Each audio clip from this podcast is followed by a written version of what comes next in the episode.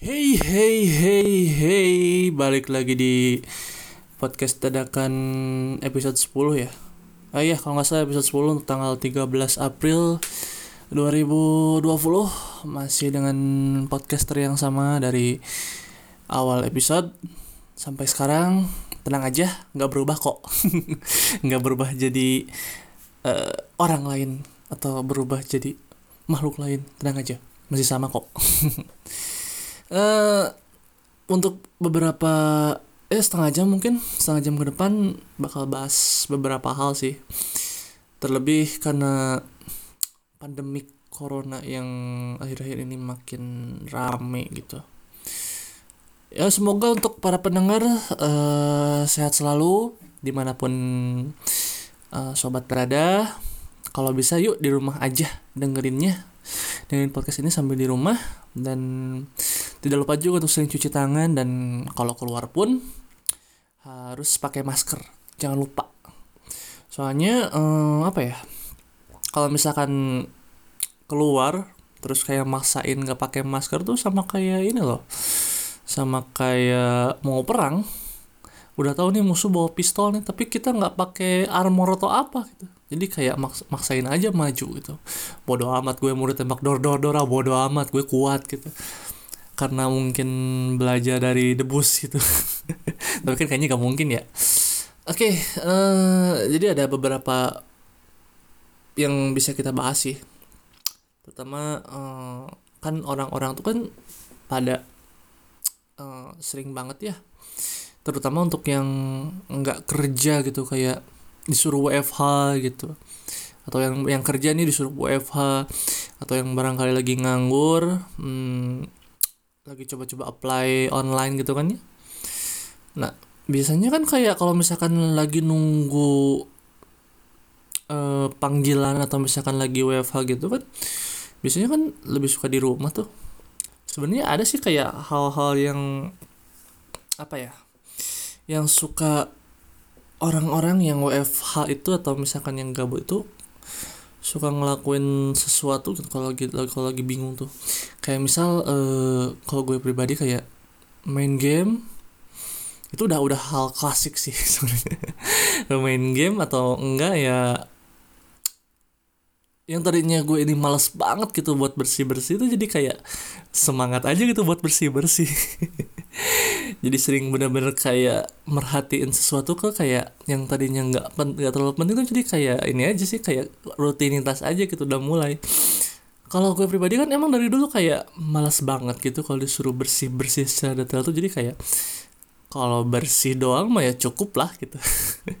Tapi kalau sekarang kayak lagi WFH gini atau misalnya eh, lagi lagi di rumah gitu kayak lihat kasur mercet aja gitu ya dari itunya dari spraynya tuh kayak dirapihin aja gitu bodo amat. Yang penting rapi terlihat rapi gitu. Sampai sepenting itu loh sampai segabut itu. Ya jadi sebenarnya banyak sekali sih hal-hal yang bisa dicoba di rumah gitu. Terlebih kalau misalkan kondisinya lagi bener-bener gabut gitu.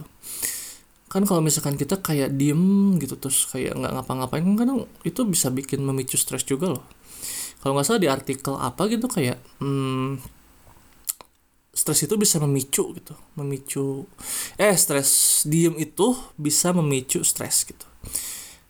Uh, terus juga kalau diem terus ya nggak ada bedanya sama umbi-umbian sih. Umbi-umbian yang diem dong gitu kayak nggak ngapa-ngapain. Uh, terus kalau misalkan ada orang masuk uh, kamar gitu kayak eh kok diam aja? Uh, maaf saya umbi-umbian aduh kan ya daripada gabut itu kan dia ya lebih baik bisa lah gitu kayak hmm, apa sih melakukan sesuatu lah gitu. Setidaknya bisa mengurangi tingkat stres gitu.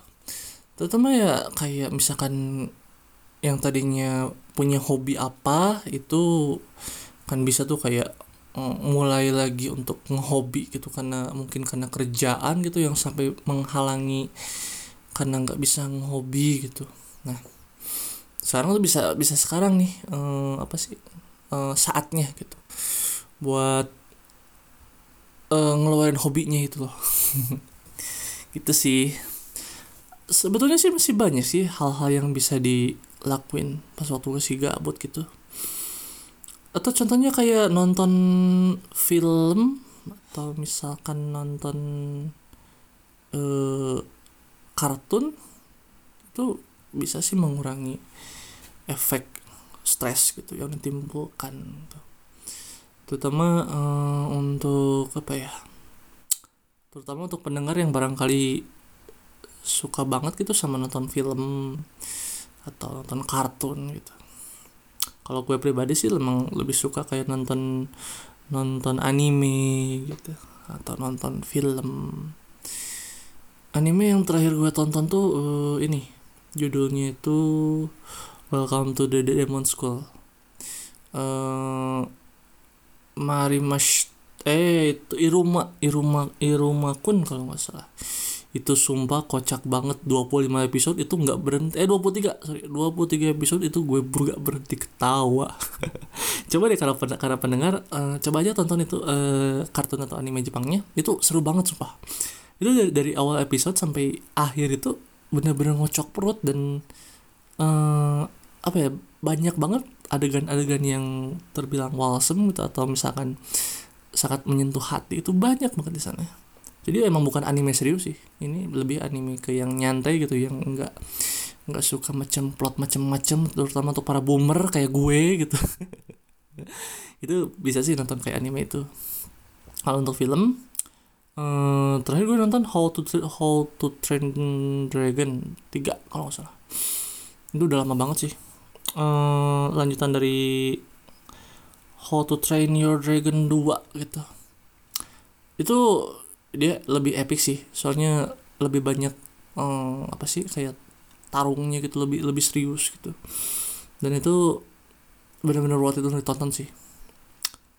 Uh, apa lagi ya sebetulnya jarang sih yang gue tonton nonton film gitu kayak jarang banget. Gue lebih suka kayak nge YouTube gitu. Terus kayak nonton video-video random yang ada di YouTube itu kan kayak lebih lebih apa ya lebih lebih seru aja sih gitu. Jadi autoplaynya dinyalain dan gue nonton aja awal sampai akhir. Jadi tinggal tinggal lihat apa biar YouTube aja yang muterin videonya buat gue gitu. Ah nah mungkin gini ya kalau misalkan orang kan kayak beberapa masih hmm, apa ya semacam hmm, memilih untuk nonton film gitu untuk mengisi hiburan atau mengisi WFH ini gitu. Atau diam di rumah aja gitu. Tapi ada juga yang kayak memulai untuk masak gitu. Masak masakan masak masakan tertentu gitu. Nah kalau gue pribadi itu pernah nemu resep itu aneh banget. Jadi resepnya ini tuh kayak eh, tahu kan oatmeal?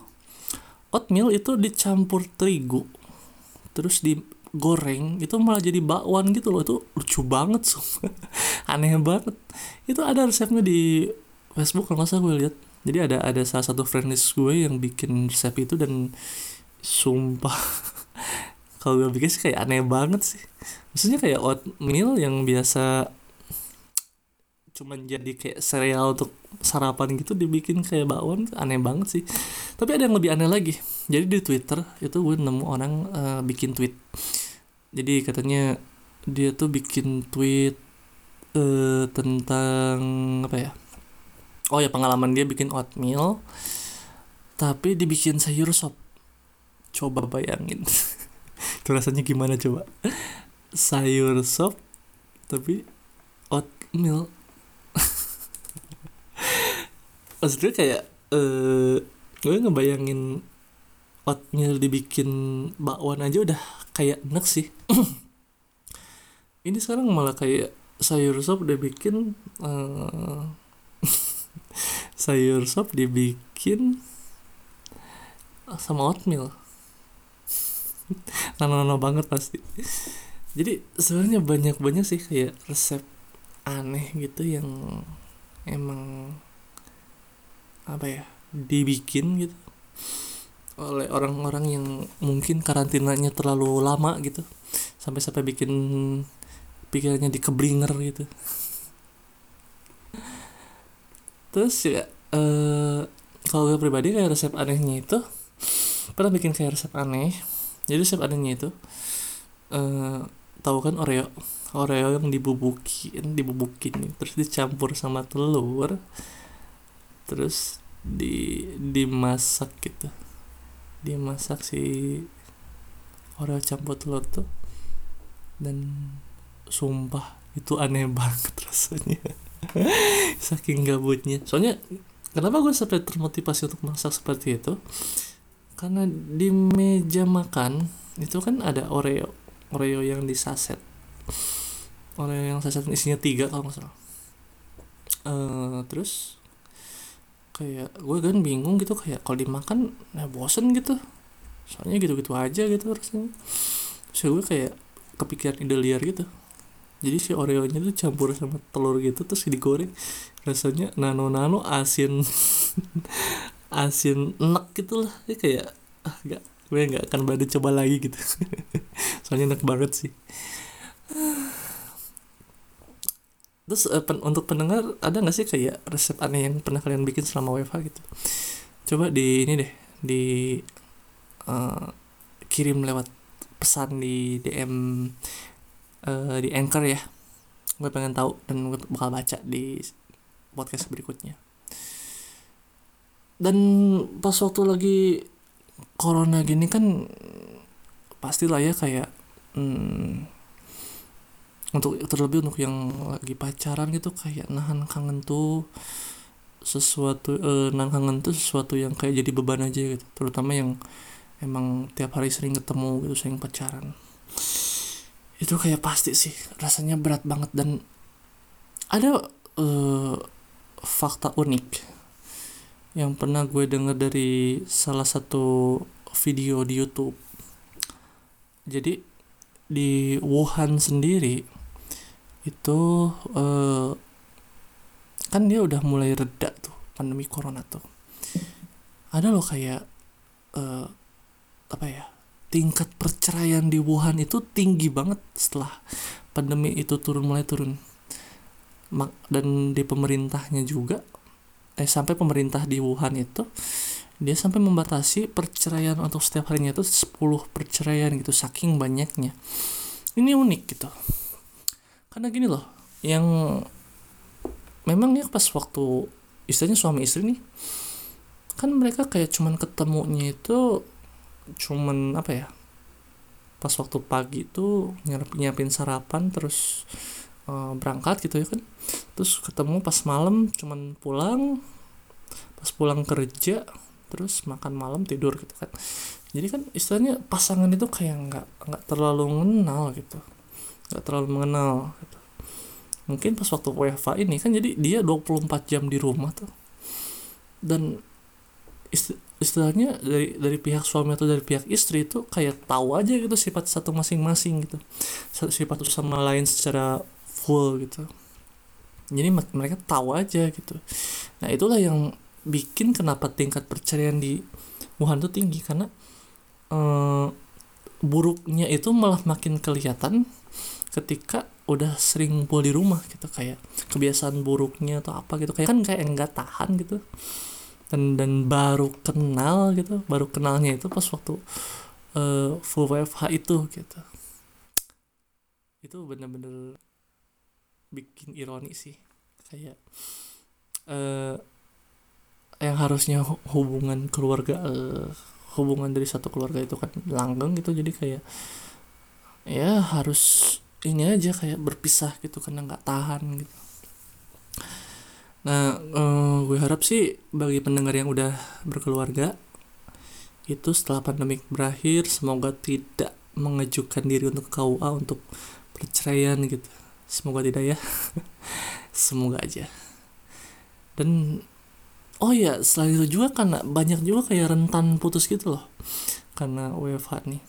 Soalnya kadang-kadang kan kalau misalkan yang sering ketemu tuh kan sering melakukan banyak hal gitu dan banyak banget yang bisa dilakuin. Kalau lagi WFH gini kan otomatis cuman bisa eh, berhubungan via telepon gitu.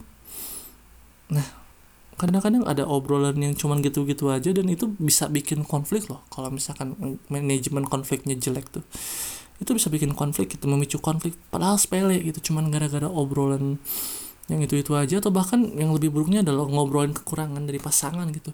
Itu bisa bikin uh, apa ya bisa bikin konflik yang ujung-ujungnya putus gitu.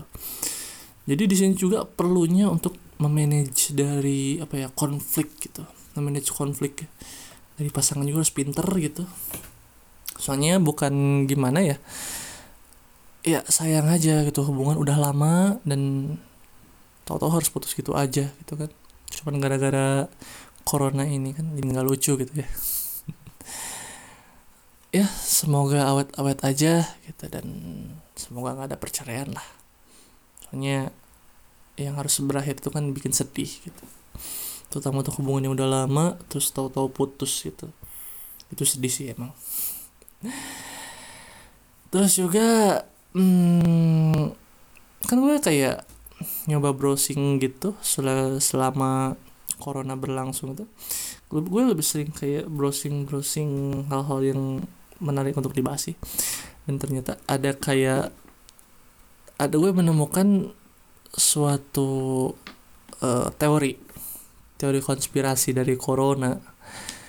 Ini dibikin sama netizen dari Twitter sih. Jadi mereka sempat berspekulasi kalau misalkan uh, lewat corona ini tuh alam tuh bikin seleksi gitu loh seleksi alam gitu. Jadi kayak uh, kalau di film Marvel tuh kayak di film Avengers The Endgame uh, itu kan ada yang musuh namanya Thanos tuh jadi Thanos itu dia emang ngebet banget sama yang namanya balance gitu keseimbangan gitu.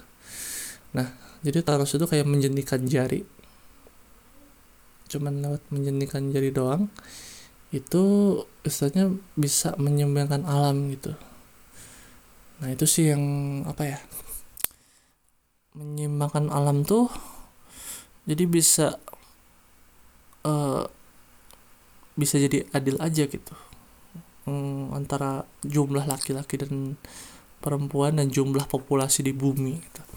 nah lewat corona ini itu um, itu konon katanya kalau alam itu istilahnya pengen uh, bikin balance juga gitu dari jumlah populasi karena populasi di bumi itu terlalu banyak gitu dan saking banyaknya itu sampai perlu yang namanya uh, apa ya perlu yang namanya untuk membuat jadi balance gitu. Misalnya seperti itu sih. Itulah kenapa kayak teori konspirasi itu muncul dan banyak juga yang mengamini hal itu gitu. Tapi kalau gue, gue pribadi sih kayak liatnya uh, unik aja sih gitu. Soalnya uh, apa ya terlepas dari segala teori ini memang kayak alam itu kayaknya udah mulai jengah gitu. Sama manusia yang makin hari makin banyak dan makin merusak gitu. Terutama kalau misalkan di daerah sini tuh di daerah gunung gitu kan itu sering banget kayak pengerukan pasir gitu. Dan mungkin kayak apa ya kayak alam udah mulai marah aja dan jengah gitu dengan itu semua oh ya selain ini juga katanya ini loh sempat kemarin itu e, dentuman ya dentuman gunung Krakatau tuh sampai dia bisa didengar sama beberapa apa ya beberapa daerah gitu. Yang uh, istilahnya orang-orang tuh sampai mengaitkan kalau ternyata alam tuh makin marah katanya. Benar-benar marah sama kita gitu. Itu sih uh, ya makin memperkuat aja sih bahwa memang kayaknya alam sudah jengah gitu dan mulai untuk mulai menyimbangkan gitu menyimbangkan populasi manusia yang makin makin hari makin banyak gitu. Agak setuju sih cuman terlepas dari itu semua ya kita lihat saja ke depannya gitu. Kalau misalkan sampai ternyata uh, di mana dapat ending yang baik gitu. Kalau misalkan memang jumlah populasinya ya segitu-segitu aja gitu dan uh, misalnya tidak berkurang secara drastis itu ya berarti teorinya nggak selalu nggak bisa dibilang nggak selalu cuman kayak sedikit benar gitu. Bahwa mungkin ya alam memang misalnya mencoba untuk membuat populasi jadi balance gitu dan nggak terlalu over populasi gitu. Terlepas dari itu semua semoga baik-baik aja sih untuk di mana pun berada terutama untuk para pendengar gitu. Semoga tetap sehat selalu dan misalnya nggak nggak berbuat macam-macam lah. Itu dulu gitu selama masih corona. Dan kayak beberapa orang kan kayak nggak kebiasa gitu dengan uh, eh, WFH gitu. Nggak kebiasa buat diem di rumah gitu terutama untuk orang-orang yang sering main ke mana-mana gitu. Tapi untuk uh, orang yang istilahnya introvert gitu atau misalkan yang lebih senang di rumah gitu ini malah kayak jadi uh, ajang buat apa ya ajang buat menonjolkan diri gitu bahwa uh, nih gue kebiasa di rumah gitu. Apaan kalian? E, disuruh di rumah aja kayak nggak tahan gitu. Ini gue udah kebiasa. Kalian harus belajar sama gue. Mungkin ada kayak uh, uh, apa ya?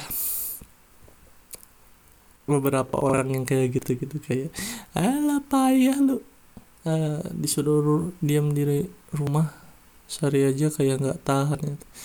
lihat gue udah berhari-hari sering banget di rumah. Gue tahan gitu. Kalian payah. Ya uh, seharusnya sih kayak kita harus membiasakan diri sih gitu. Terutama kalau lagi pandemi gini kan kita kayak nggak bisa hmm, ambil resiko gitu untuk memaksakan diri keluar gitu. Ya soalnya mau gimana lagi? Pandemi lagi rame dan korban makin hari makin banyak gitu. Tolonglah gitu untuk coba untuk membiasakan diri di rumah aja gitu. Kalau nggak penting-penting amat keluar gitu di rumah aja lah gitu. Ngapain juga keluar sih gitu. Soalnya ya ya biar bisa menghentikan pandemi ini gitu dan lebih cepat selesai soalnya ada worst case dari corona ini misalkan lambat gitu dalam penanganannya dan masyarakatnya masa masih kayak ngeyel gitu buat terus keluar itu kalau dilihat dari sejarah pandemik dari SARS dari H1N1 itu rata-rata 2 tahun loh. Kalau misalkan masih gini terus ini pandemi bisa selesai 2021 loh. Makanya kayak yuk kita hmm, bantulah gitu untuk tetap di rumah aja gitu. Uh, social distancing lah gitu. Untuk sementara waktu biar cepet selesai loh. Ini kasihan gitu maksudnya mau gini terus mau diam di rumah aja terus gitu. Mau tetap kayak nelen pil pahit untuk tetap uh, diam di rumah gitu dan kayak nahan diri aja gitu buat keluar rumah gitu untuk terutama untuk yang sering main gitu. Mau gitu terus gitu. makanya yuk sama-sama kita selain dari pemerintah pemerintah udah mengupayakan yuk tinggal kitanya doang nih dari masyarakat. Yuk kita untuk diem di rumah stay di rumah jangan ke mana-mana kalau nggak penting-penting amat gitu. Tolong ya.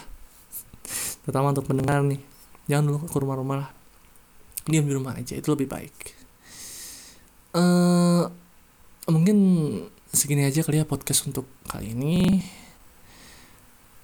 Eh uh, soalnya apa ya? Uh, gue juga lagi nggak enak tenggorokan sih. Kayak kecapean gitu. Uh, mungkin kan udah mulai sakit sih. Tapi mudah-mudahan bukan corona ya. Jadi kayak udah agak badan agak nggak enak badan gitu. Jadi ya mau nggak mau harus agak dijaga gitu kesehatan. Sebenarnya masih banyak yang mau diomongin sih. Tapi ya ya sudahlah kita simpan aja untuk podcast nanti selanjutnya ya. Uh, share gitu aja. Sampai jumpa di podcast selanjutnya. Dadah